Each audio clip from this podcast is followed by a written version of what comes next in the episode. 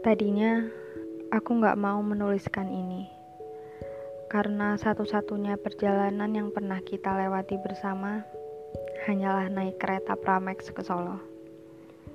Hari itu, lagi-lagi kamu cuma mau menuruti keinginanku untuk pergi ke mana pun bersamamu.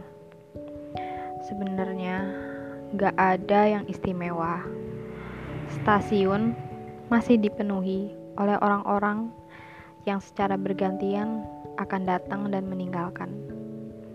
Pemandangan seperti sepasang anak muda yang berjalan sambil sesekali tertawa, anak kecil dengan sekantong jajanan di tangannya, dan lalu kamu yang sekarang sedang duduk di sampingku sambil mengunyah roti beraroma kopi yang katanya adalah favoritmu. Sementara aku Sekali tertawa kecil, mendengarkan celotehanmu tentang apa saja.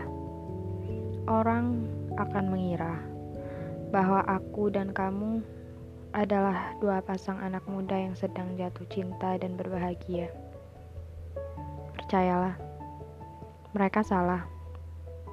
Berkali-kali aku mengatakan kepadaku sendiri untuk mundur lalu mengucapkan selamat tinggal secara perlahan. Tapi ternyata rasanya nggak semudah itu. 21 Agustus 2019